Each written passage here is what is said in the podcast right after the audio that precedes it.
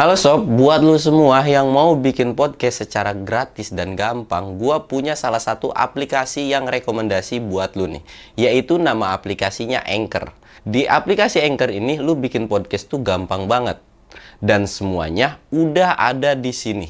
Dan termasuk distribusi ke Spotify dan aplikasi podcast lainnya. Seperti Apple Podcast, Google Podcast, dan lainnya. Jadi jangan tunggu lama-lama lagi, segera download aplikasi Anchor sekarang juga dan selamat mencoba. Assalamualaikum warahmatullahi wabarakatuh. Balik lagi sama gua Samsul Mister Horror. Anjir. Rusuh anjir. Gue bakal ngebawain sebuah cerita di Gunung Gede nih. Mungkin ya lu penasaran kan nih kenapa Gunung Gede, Gunung Gede, Gunung Gede. Ya lu tau sendiri lah. Kenapa Udah bang gunungnya gede bang? mungkin sering dipegang. Oh gitu ya? Iya. Kalau nggak dipegang berarti kecil? Kecil. Namanya gunung kecil. Kenapa alasannya Gunung Gede? Ya lu tau sendiri lah, gue orang warga Jawa Barat dekat sama Gunung Gede, otomatis ya gue naik sering ke Gunung Gede tuh ya pasti sering lah dan lu pun tau lah jadwal gue naik Gunung Gede itu sebulan berapa kali? Tiga bahkan bisa sampai empat kali sebulan untuk sekarang ya. Tapi untuk cerita kali ini pokoknya bakalan gokil banget dan seru banget. Yang pasti ada lucu-lucunya tuh pas hari ini. Buat lu semua yang mau support channel gua harus subscribe channel gua. Jangan lupa komen sama like dan bunyiin lonceng notifikasinya juga. Dan gak usah banyak bacot lagi lah ya. Biar lu juga langsung gercep, langsung siapin kopi dan cemilan, langsung dengerin gitu. Kita langsung aja mulai ke segmen dongeng horor. Dongeng horor dimulai.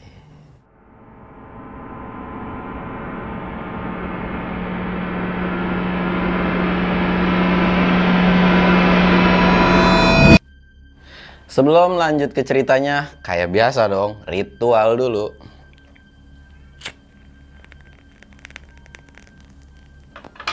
Banyakin ngopi biar nggak panik.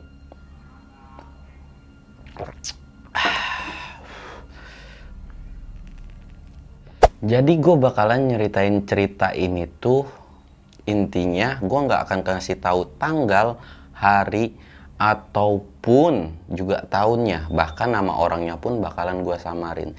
Jadi pendakian ini tuh sebenarnya bukan pendakian horor gua jadi pendakian orang lain. Cuman pada saat itu gua tahu. Jadi pada saat itu gue bareng sama mereka. Jadi pokoknya lu pokoknya simak aja deh. Intinya beberapa hal memang gua samarin takutnya ada terjadi sesuatu hal gitu kan. Karena memang jujur kalau misalnya gue ceritain ini agak sensitif sedikit sih. Jadi awal mulanya tuh uh, gue gabut kan jadi pengen naik gunung gitu. Cuman karena nggak ada teman ya udahlah gue coba untuk naik solo ke gunung gede.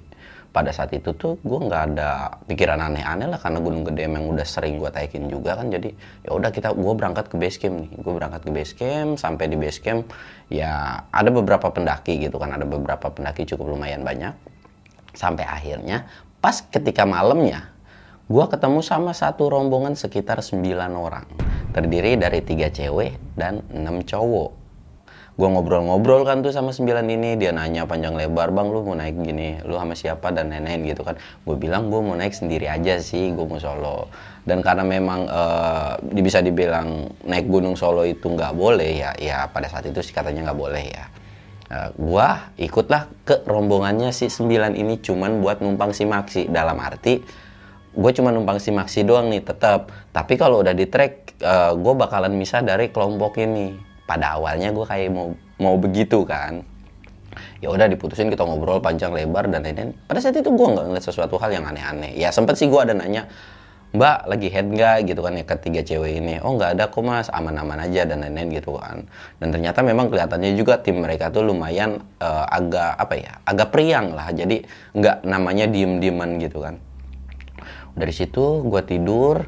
Setelah gue bangun pagi mereka kan ngebangunin gue tuh. Uh, bang bang uh, mau trekking jam berapa lu? Gue bilang terserah gue mah ngikut aja. Yang penting kalau misalkan udah lewat si maksi gue bilang gue mau bakalan jalan santai gitu ya. Bisa tidur di trek atau gimana atau gimana kan gitu. Oh ya udah kita trekking jam 7 aja ya bang kata dia tuh kan gitu. Oke kita trekking jam 7 Ternyata ketika jam 7, udah mulai masuk jam 7 nih, jam 7 pagi, turunlah hujan. hujan itu deras dan itu sampai kalau nggak salah ya kalau nggak salah itu sampai jam 10 atau sampai jam 11an jadi eh, karena memang hujannya deras terus gitu kan jadi kayak anak-anak dari sembilan orang itu kayak minder gimana gitu.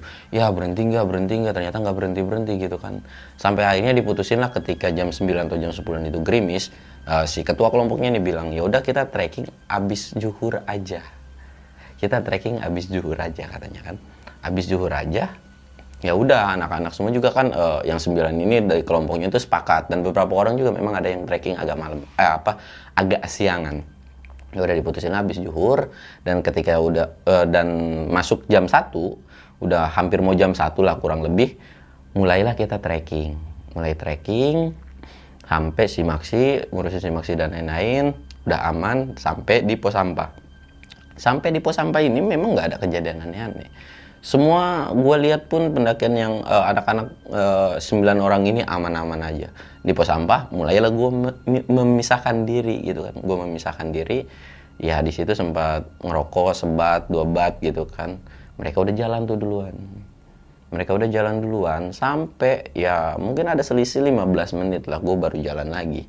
Ketika gue jalan jalan lagi sampailah ke pos 1 sampai pos 1 ternyata ada lagi rombongan mereka. Gue masih ketemu masih ketemu sama eh, si rombongan ini kan. Nah di pos 1 ini eh, di pos 1 ini tuh eh, istirahat agak lama tuh. Tim mereka juga agak lama sedangkan gue masih enggak.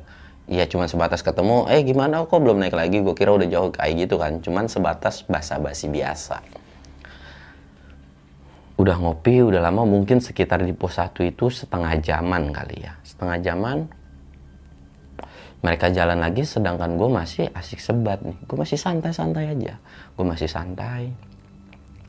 Mereka udah jauh nggak tahu selisih 20 sampai atau setengah jam juga. Mereka udah jalan. Ya udah gue nerusin jalan nih. Di jalan itu benar gue nggak nemuin sesuatu hal ya. Cuman hama pendaki dan ada kebenaran di pos satu ini kan memang biasanya kelihatan monyet kan. Cuman ngeliatin gelantungan monyet doang gitu kan. Gue jalan sampai pos 2 nih sampai di pos 2 itu gue masih dalam keadaan nggak ngalamin sesuatu dan cuaca pada saat itu cerah cuman becek aja ya. Jadi gue udah sampai pos 2 ternyata masih ada beberapa rombongan itu tuh masih ada lagi. Rombongan itu masih ada. Dan nyapa gue lagi kan ya walaupun gue jadi misalkan eh, si rombongan itu eh, ngeresnya belah sini gue belah sini disamperin sama mereka sama beberapa gitu kan. Ngeres bang nih bang gue ada makanan gitu. Karena rombongan mereka tuh baik kan ngasih makanan gini nih bang cemilin. Ya gue mah seneng seneng aja kan nyemilin kayak gitu. Cemilin gue makan gue bikin kopi juga. Udah santai itu. Sampai di pos 2 itu kalau nggak salah jam 3 lewat hampir mau setengah 4 karena memang naiknya itu agak santai jadi ya ngaret lah. Feeling gue tuh bisa eh, trekking malam sampai surya kencana gitu kan. Udah dari situ rombongan tiba-tiba ada satu ketuanya tuh ngomong eh, nyamperin gua kan nyamperin. Bang sorry banget nih dia bilang. Gue mau nitipin temen gua boleh nggak?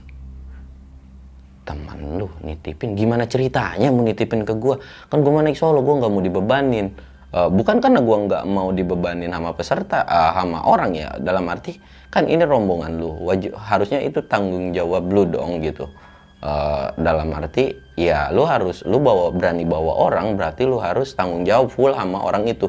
Terkecuali kalau memang ada urgent banget baru lu boleh minta tolong. Dan gue lihat pun tim mereka itu masih kayak jalan masih kuat dan lain-lain. Ya walaupun gua nggak tahu pada saat itu ya alasannya kenapa kayak gitu. Gue bilang gue bukan yang nggak mau gue naik sendiri. Itu memang karena gue pengen santai. Kalau gue niat pengen buat temen bisa gue bilang tapi tapi si ketuanya itu kayak melas dia pengen ngomong sesuatu tapi nggak berani gitu. Ya intinya terserah lu deh bang. Tim gua mau rombongannya selama apa pun se eh, sekeong apa pun dia bilang nggak apa-apa. Yang penting lu di belakang nanti kalau memang ada ketemu lu sapa aja dia bilang gitu. Oh oke deh kalau kayak gitu. Nah, jadi ada yang ikut ke rombongan gua tiga cewek satu cowok jadi yang tiga cewek ini dan satu cowok itu ikut ke gua. Tapi gua ngasih bil- ngasih tahu ke si empat ini ke empat orang ini gue bilang "Eh, lu mau jalan silahkan. Gue nggak mau dibebanin. Karena ya itu bukan karena gue nggak peduli tapi gue lihat lu masih oke oke aja. Gue nggak tahu. Kecuali kalau memang si ketuanya ini ngomong barulah gue tahu gitu kan harus gimana gimananya tapi cuman nitipin ya udah nitipin doang gitu lu mau jalan duluan silahkan. Lu mau nyantai silahkan. Karena gue bilang pada saat itu gue mau naik santai banget. Jadi kalau mau trekking malam pun gue masa bodoh. Kalau gue capek pun gue bisa ngecamp di tengah jalan gitu gue bilang. Iya bang. Pokoknya gue ngikut sama lu. Ya udah tuh beberapa rombongan yang lima itu jalanlah mereka duluan. Ketika mereka jalan gue kan masih sama yang berempat ini dong. Jadi gue pun jadi berlima. Gue sempet nanya nih sama mereka mereka emang kenapa sih lu pada dititipin? Lu pada bikin ulah ya? Gitu. Enggak bang. Jadi kayak mereka kayak mau keceplosan ngomong tapi mereka nggak ngomong nih. Eh, tiba-tiba ada yang nyenggol. Ya pokoknya pengen sama abang aja lah intinya gitu. Oh, ya udahlah suka-suka lu gue bilang.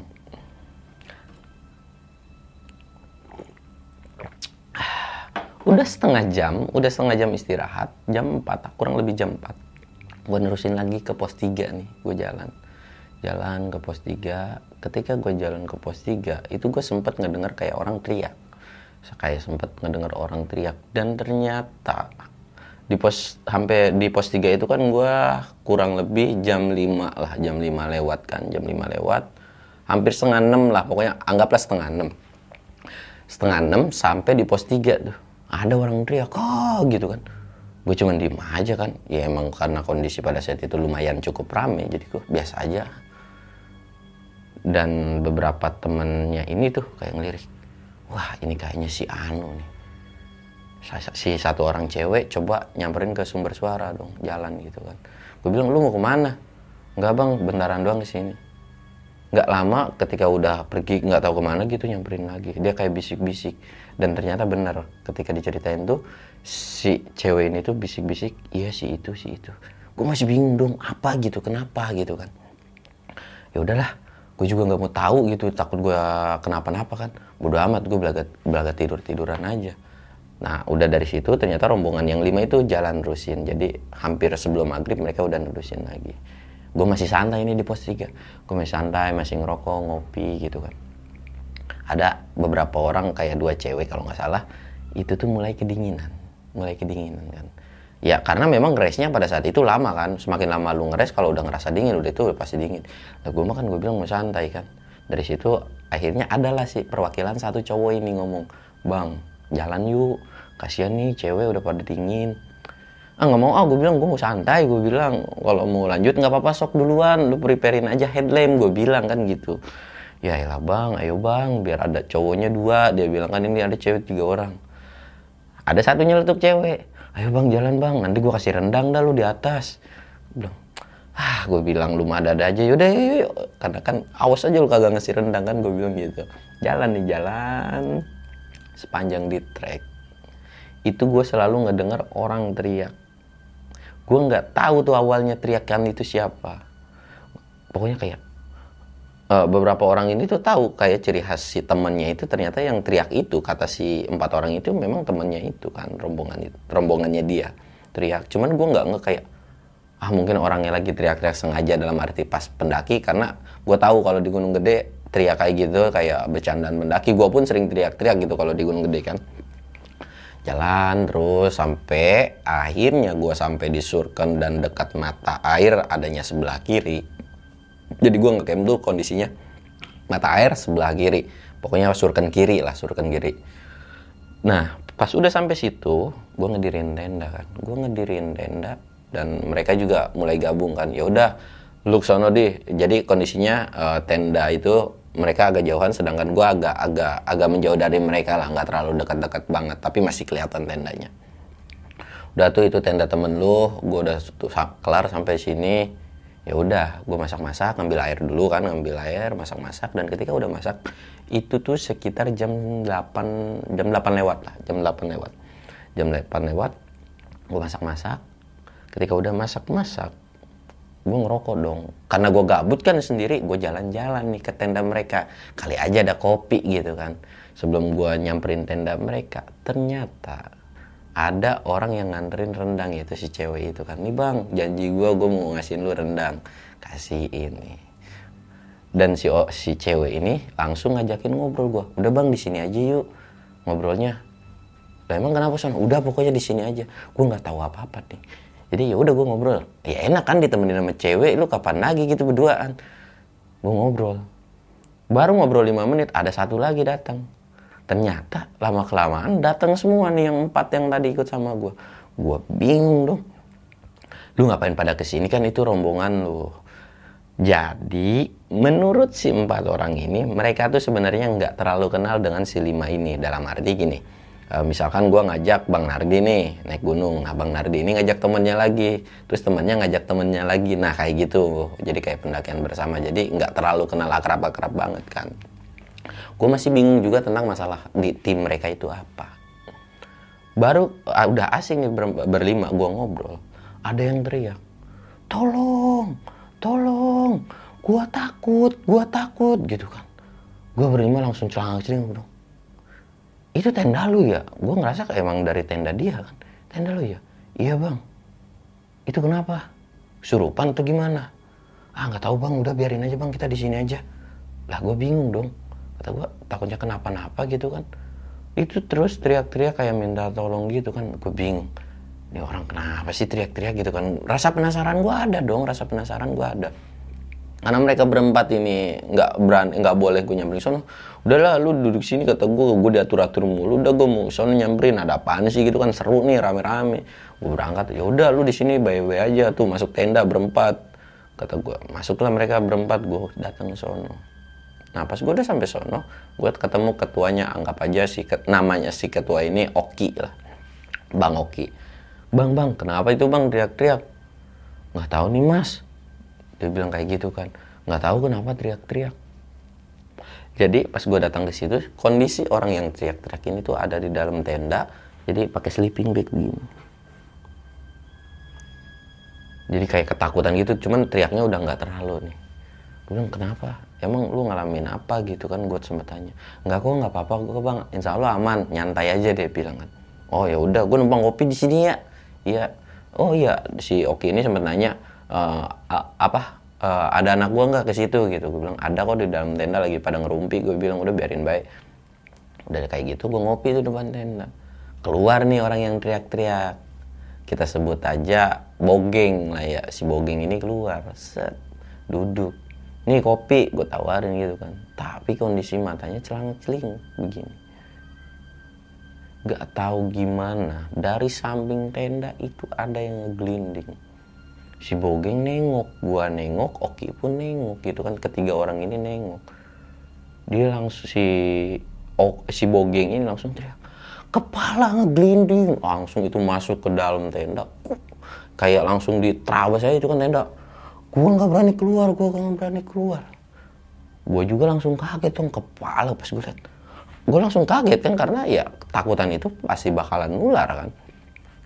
Pas gue perhatiin perhatiin gue senterin ada headlight wah anjir.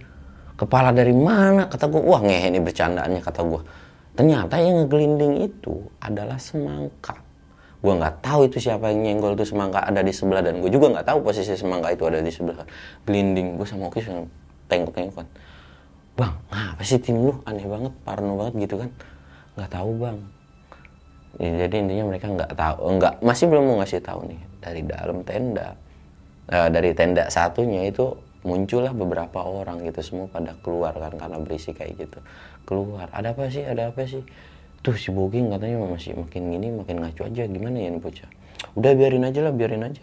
No sih ada ternyata yang parnoan itu bisa dibilang yang parnoan yang penakutnya itu bukan cuman Boging jadi mereka kan bawa dua tenda. Jadi ada satu orang lagi di tenda sebelah ini sebut aja Andri. Nah dia juga sama ngalamin hal yang sama kayak si Bogeng ini. Gitu kan. Gue masih nggak tahu apa apa nih. Si diem aja. Mereka berdua nih yang penakut penakut ini dia ada di dalam. Gue diem aja. Ngopi ngobrol biasa. Nggak lama si Andri mulai teriak. Bang Oki tolongin gue Bang Oki. Ini kaki gue ada yang megangin dia bilang. Oki langsung mendadak ke dalam tenda dong langsung masuk ke dalam tenda. Lu kenapa lu kenapa banyak istighfar istighfar? gitu kan. Istighfar lu istighfar. Ketika udah dibilang apa istighfar kayak gitu ini bang Oki kaki gue dipegangin kaki gue dipegangin.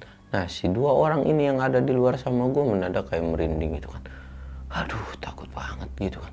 Eh ini kenapa sih bisa mendaki tuh kayak gini gitu di teror dan lain-lain? Gue bilang lu di teror apaan sih anjir? Gue masih bingung di dengan muka polisi gue masih bingung nggak tahu apa yang mereka alamin gitu kan. Ini gue pegangin akhirnya mereka berdua tuh dikeluarin lah. Dikeluarin duduk. Udah lu diem di sini nggak usah ada yang di dalam tenda. Pegangan dah pegangan. Jadi sama si ketuanya tuh dideketin. Kondisi duduk nih Eh, si ketua si okinya tuh ada di belakang mereka takut mereka lari kan. Kita ngobrol-ngobrol tuh. Gue sempat beberapa kali nanya memang lu ngalamin apa sih? Bilang aja gue bilang. Bukan karena gue so jagoan nggak kali ya bilang aja biar gue tahu nimbrung ngobrolnya gitu kan. Nggak mereka tuh masih nggak bilang masih nggak bilang. "Ya udahlah bodo amat gue bilang gue nggak mau stres. Ya udah gue bilang bang gue mau ke tenda ya. Gue mau ke tenda. Baru mau ngelangkah ke tenda mereka berdua ini si Bogeng sama si Andri ini teriak astagfirullahaladzim gitu kan. Kayak sambil nunduk astagfirullahaladzim.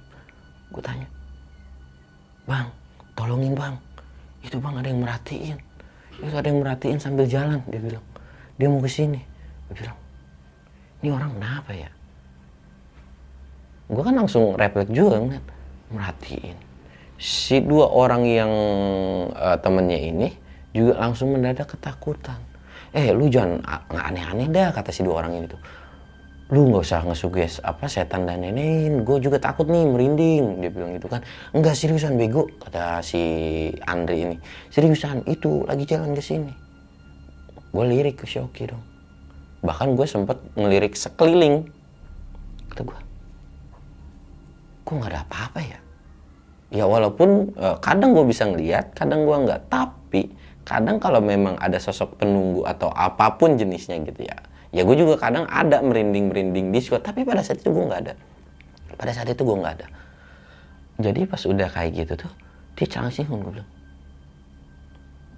itu ketakutan si dua orang ini tuh parah banget. Parah banget. Dan dia tuh kayak langsung nangkap si Oki gitu kan meluk si Oki ini meluk gitu tolongin gue bang. Itu gue mau dibawa ke mana? Itu gue mau dibawa ke mana? kata dia tuh. Gue bingung dong. Ketika gue mikir kayak gitu udah nggak ada apa-apa kok udah tenang. Udah yuk tidur yuk tidur yuk. Dibawalah masuk ke dalam si dua orang ini ini yang biasa-biasa aja gitu kan. Eh emang temen lu kenapa sih? Nggak kok bang nggak apa-apa. Emang parnoan kali dan nenek gitu kan. Gue bilang aneh banget nih. Yang tadinya gue mau jalan tuh kayak dikepoin buat tahu nih kenapa masalah mereka tuh kan. Si dua orang ini mendadak langsung dong mereka juga bang gue izin masuk ke dalam ya.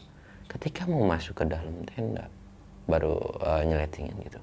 Astagfirullahaladzim si dua orang ini tuh gitu. Astagfirullahaladzim. Dia langsung jadi kayak buka tenda terus balik begini kan. Kenapa lu? Kenapa? Nggak apa nggak apa-apa. Lah gue bilang ngapa sih ini orang-orang gitu kan? Gue sendiri ngerasa nggak jelas gitu. Gue buka gue lihat intip tenda. Nggak ada apa-apa lu kenapa? Gue tarik nih yuk ikut tenda gue mendingan. Gue tarik dua orang ini. Ke tenda gue udah yuk ikut. Gue pamitan sama si Oki Ki gue bilang temen lu gue bawa ya ke tenda gue dudukin. "Eh, ya udah bang. Ya nggak apa-apa bang. Lu kalau ada apa-apa teriak aja gue bilang. Udah tuh. Iya si Oki bilang kan gue bawa nih dua orang. Lu ngomong. Udah sampai tenda gue nih. Lu ngomong kenapa? Jadi si empat orang ini kondisi masih ada di dalam lagi ngobrol. Pas gue udah sampai situ mereka kayak ikut nimbrung kan. Lu ngomong kenapa kalau lu mau selamat gue bilang. Karena bukan karena gue bilang balik lagi ke Sojagon karena gue aneh gitu. Lu kenapa berempat pada aneh? Jadi si dua orang ini tuh bilang bang sepanjang trekking gue diteror sama setan. Gue sering lihat kuntilanak di pos 3 itu gue ngeliat kuntilanak katanya mukanya serem banget kata si dua orang ini kan. Gue bilang iya kata terus lu tahu sendiri kan di jalan itu banyak teriak itu temen gue yang berdua itu ternyata dia tuh ngeliat juga. Jadi ya mungkin dia ketika ngeliat tuh teriaknya kayak gitu. Masa iya sih? Gitu kan. Nah dari situ gue pancing terus kan gue pancing gue pancing gue pancing terus. Dia cerita tuh sepanjang trekking itu mereka itu digangguin sama sosok-sosok makhluk halus. Sedangkan gue berempat ah, sama gue jadi berlima gue nggak ngerasa diganggu apa pun gitu kan ya nggak tahu juga sih karena gue belum nanya masih empat orang ini juga kan. Dari situ oh kayak gitu ya udah makanya lu banyak banyak istighfar.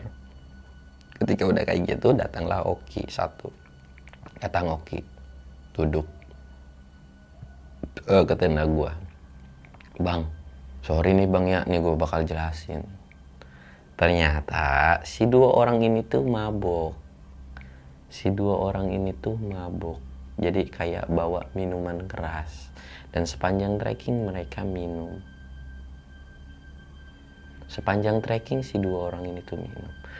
Dari situ kan gue ya agak kesel sih ada ya gue bilang ya lu kenapa bang? Lu sebagai ketua kenapa lu ngizinin mereka bawa minuman? Gitu kan. Ya gimana bang? Ya pokoknya banyak lah uh, obrolan dia gitu kan. Ya gue juga nggak bisa nyalain si ketuanya atau tim mereka gitu. Karena kalau prinsip gue pribadi lu mau naik sama siapa pun silahkan. Tapi selama di tim gue lu nggak boleh ngelakuin hal aneh-aneh. Tapi kalau karena ini tim mereka jadi masa bodoh lah gue kan. Yang penting nggak berbuat yang fatal banget atau sampai ninggalin gitu kan. Jadi pas udah kayak gitu dia cerita loh nah dan menurut penuturan si dua orang ini si Bogeng sama si Andri ini si Bogeng Andri ini digangguin sama sosok jadi ada beberapa sosok kuntilanak itu selalu ngikutin dia. Selalu ngikutin dia dan muncul terus kata dia tuh. Ah masa sih? Gue bilang gitu kan. Mendadak si Boge, si Bogeng sama si Andri ini keluar tenda dan muntah-muntah. Dari situ kita beralih ke si Bogeng sama si Andri ini. Karena pada saat itu gua nggak peduli sama mereka nih karena itu kan udah konsekuensi mereka tanggung jawab mereka dalam arti apa yang lu lakuin di gunung ya udah silahkan lu nikmati sendiri. Lu bener ya lu bakal bener. Lu salah ya lu silahkan nikmati gitu kan. Gue diem aja nih. Si Oki langsung lari dong dan si dua teman ini juga diajak sama si Oki. Yuk jalan-jalan jalan-jalan. Sekarang kita mulai dari sudut pandang si Bogeng ya. Si Bogeng ini muntah-muntah nih. Wah wah gitu kan. Lalu nggak lama disusul sama si Andri yang sama-sama muntah yang sama-sama muntah. Wah tapi kondisinya nggak keluar apa-apa. Muntah pas mau muntah mau muntah kayak gitu keluar lah mungkin diurutin dia apain gitu kan diurutin ininya sama si Oki tuh mereka berdua tuh. Diurutin dan akhirnya muntah. Ketika muntah mereka langsung teriak lagi. Si Bogeng ini langsung teriak histeris lagi.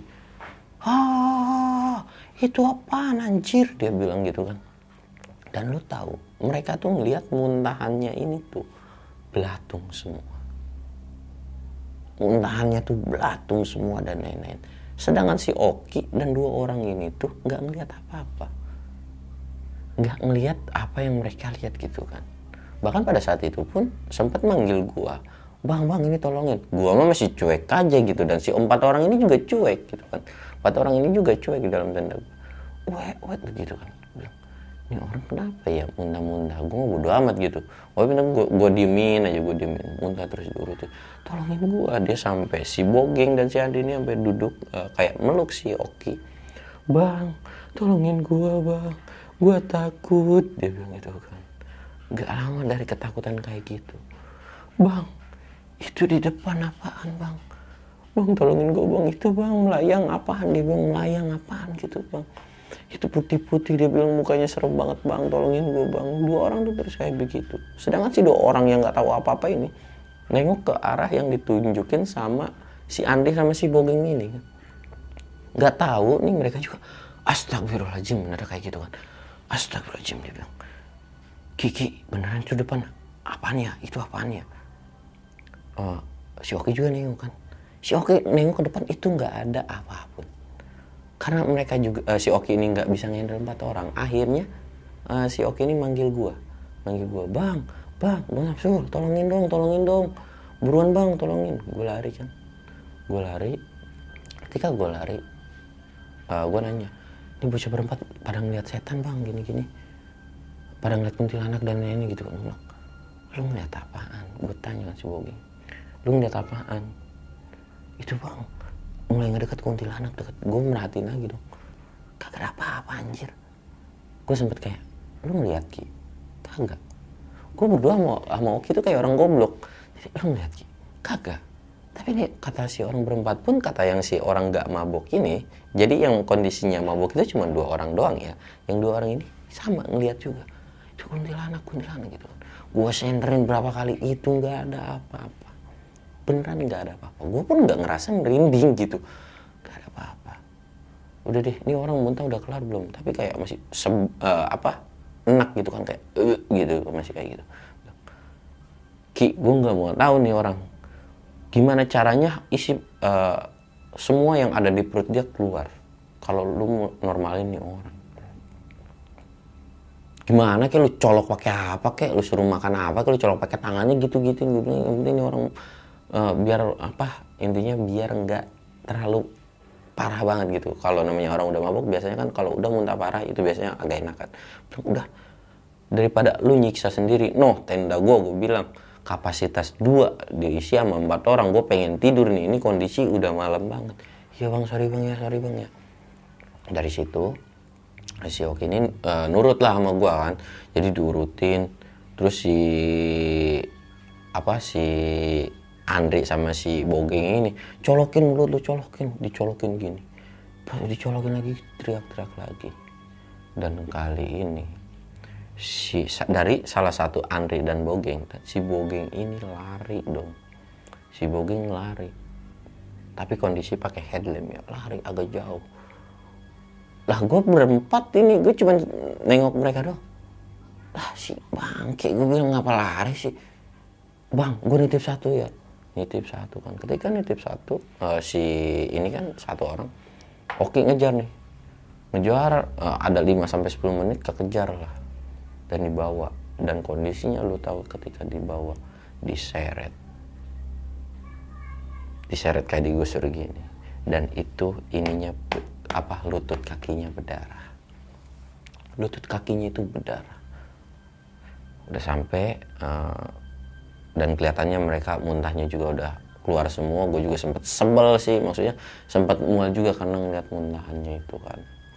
Nah si Boge, si Bogeng ini langsung ngomong bang tolongin gue bang. Gue dicegat sama setan kuntilanak. Dia bilang banyak banget pocong di sini bang. Tolongin gue gue bilang itu bang bang kalau bisa pindah tenda sama si Oki sama gue tuh ngerengin ngerengin bang pindah tenda yuk pindah tenda yuk bang. Gue nggak nggak kuat di sini takut banget. Gue bilang gue masih belum ngomong nih gue masih belum nyeramain nih orang nih manusia manusia ini tuh kan. Gue panggil lah tuh empat orang sini lu berempat yang di tenda gue gue datang sini sini lu keluar semua. Keluar semua. Keluar semua dari situ udah gue mau istirahat. Gue capek gue bilang gue mau intinya pada saat itu gue bener-bener masa bodoh gue mau istirahat. Eh, si empat orang ini gue usir gue masuk ke tenda dan empat orang ini karena gue yang udah gue bantuin dan lain-lain kan ya udah itu tinggal lu rembukin bersembilan nih urusan itu urusan lu karena itu kan kelompok lu gue mau tidur dari situ gue masuk ke tenda gue nggak ngedenger apa-apa pokoknya gue tidur aja Nah, ketika tidur itu udah mau memasuki jam 12. Gua tidur dong nyenyak. Kita ke tenda mereka nih. Ketika mereka juga mau coba tidur, si Bogeng si Andri ini dipisahin satu tenda, sedangkan mereka ada yang di, eh, berlima tidurnya kan. Jadi si mereka yang tidur sama si Bogeng sama si Andri ini tuh kondisi Bogeng tuh kayak orang meriang ketika mau tidur. gitu kan. Dan rintihannya itu rintihan orang kedinginan sebenarnya. Rintihan orang kedinginan tapi tenda yang berlima ini seolah ngedenger kayak rintihan sesuatu gitu. Jadi di mereka ini kayak sikut-sikutan gitu. Itu suara apa ya? Nah, dari situlah teror parah mulai. Si orang yang tenda berlima itu ngedengar suara orang jalan dan ketawa. Si tenda lima itu kayak mau teriak cuman nggak berani. Jadi kayak cuman diem-dieman aja saling lirikan. Saling lirik, saling lirik gitu kan. Itu apa ya? Itu apa? Pada sampai akhirnya itu eh, ada salah satu cewek pengen kencing minta dianterin kencing. Karena mereka takut akhirnya mereka berlima lah untuk kencing. Dan ketika mereka kencing mereka ngelihat sosok kuntilanak lagi melototin mereka berlima katanya. Jadi pasti satu cewek ini kencing kuntilanak gitu kan lari mereka. Nggak tahu tuh kondisinya. Cebok atau kagak juga ya mereka langsung lari ketika mereka lari masuk tenda dan mereka nggak ada yang tidur. Jam satu mereka ngelewatin jam 2 mereka ngelewatin dan sampai akhirnya jam 3 mereka saking udah nggak kuat dan pengen tidur dan bisa dibilang mereka tuh udah parno banget gitu kan.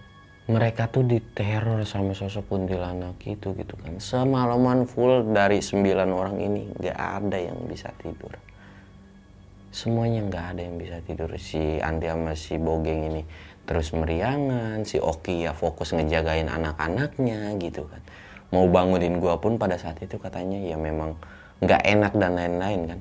Ya walaupun gue sih pas di tenda pas gue tidur gue gue ada pikiran buat nolongin mereka tapi ya itu konsekuensinya kalau lu melakukan sesuatu bukan karena gua nggak peduli. Kalau memang udah fatal banget ya baru gue datang gitu ke tenda mereka. Tapi ya udahlah biarin aja gitu kan mereka tuh diteror sampai pagi. Dan ketika udah pagi ya itulah namanya nikmatnya naik gunung. Seserem apa pun di gunung ketika udah pagi itu udah paling aman. Udah paling aman banget. Keadaan cuman gue ngelihat uh, gue kan bangun pagi nih. Pas gue ngeliat mukanya itu pada kusem kusem banget kayak orang belum tidur gimana sih muka orang belum tidur gitu kan nah, apa ini orang ngopi bang ngopi bang gitu. Ngopi neng ngopi neng gue tawarin gitu kan. Gue tawarin ngopi. Mukanya pada kusut kusut banget gue bilang emang apa sih malam? Pada kejadian apa? Gue bilang gue gitu kan gue ledekin aja. Oh, pada cemburu aja pada kesel sama gue gitu kan. Ya lah nama juga di gunung gue bilang gitu kan. Udah nikmatin aja ngopi-ngopi. Gue bikinin tuh mereka kopi. Udah sini sini gue yang masak gue yang masak. Gue bikinin nah, masak air kan banyak. Masak air. Mereka gue bikinin satu orang satu kopi gue bikinin duduk duduk duduk. Kita cerita kita cerita gue bilang. Gue nanya si Bogeng geng lu kenapa? Nah jadi menurut si Bogeng si Bogeng itu diteror sama sosok kuntilanak nih. Jadi teror sama sosok kuntilanak. Intinya si kuntilanak itu tuh uh, ngedeketin dia mulu. Nggak tahu tujuannya apa jadi intinya ngedeketin mulu. Kayak seneng kata menurut si Bogeng dan yang paling parah menurut si Bogeng si kuntilanak itu tangannya sempet copot makanya yang bikin Parno itu itu. Kuntilanak tangannya copot. Lu bayangin aja tangannya copot. Ya gue juga kalau ngelihat beneran kayak gitu ya gue juga takut gitu kan. Tapi pada saat itu gue sama Oki tuh nggak ngelihat apa pun. Kamu gue sama Oki tuh nggak ngelihat apa pun. Beneran pada saat itu gue pendakian nggak ngalamin apa pun. Cuman ketakutan dari mereka doang. Kemudian anakku copot. Sedang gue nanya Dri lu ngeliat apa?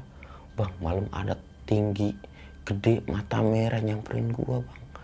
Gue mau diambil katanya. Gue mau dijadiin tumbal di gunung gede.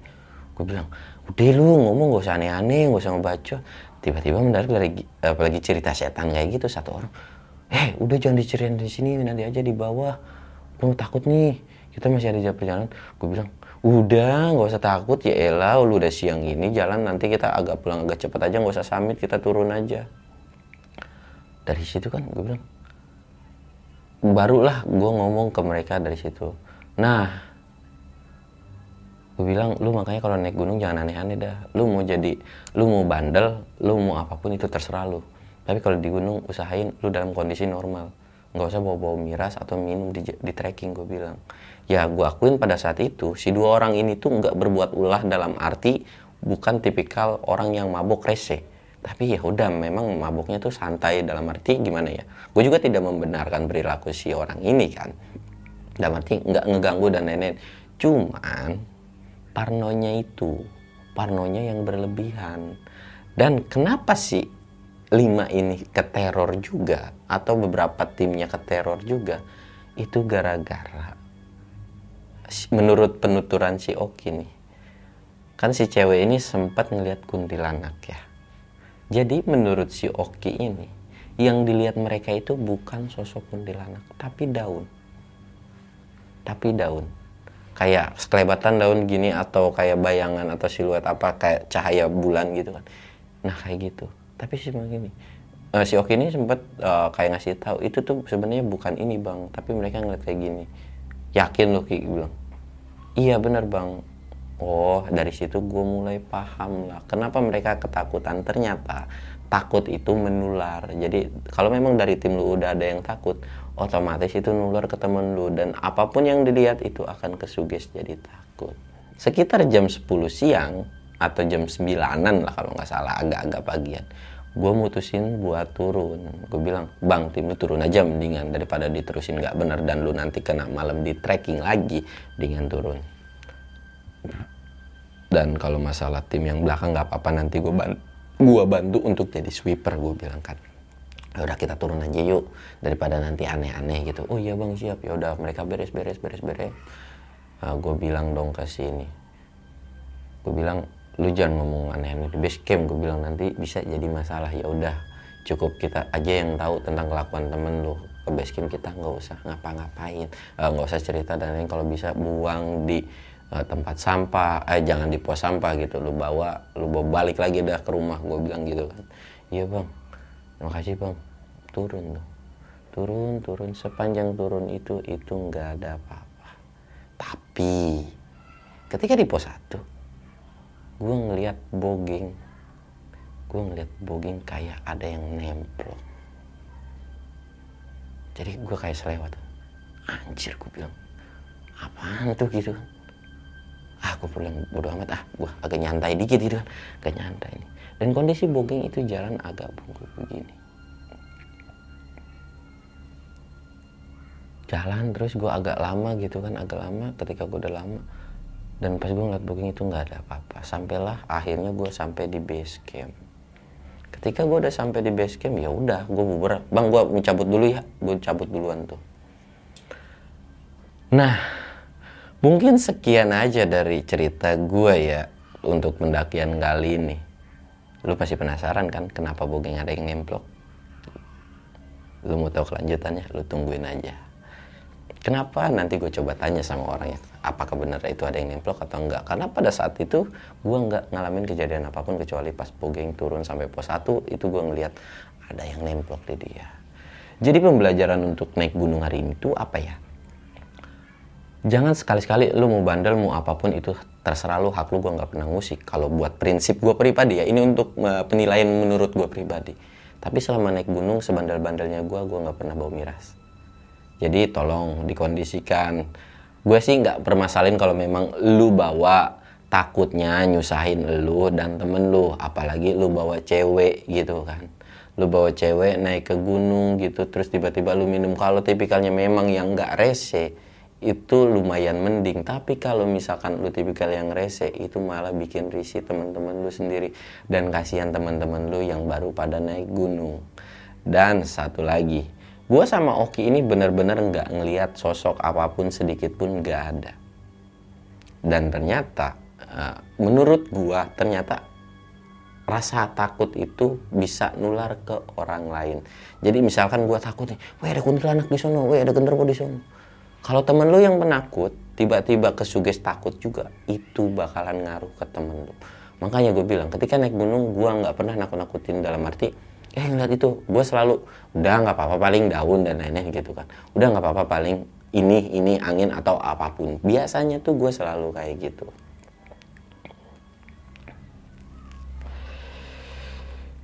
ya untuk dari cerita ini apa pun yang positifnya lu ambil. Apa pun yang negatifnya lu buang.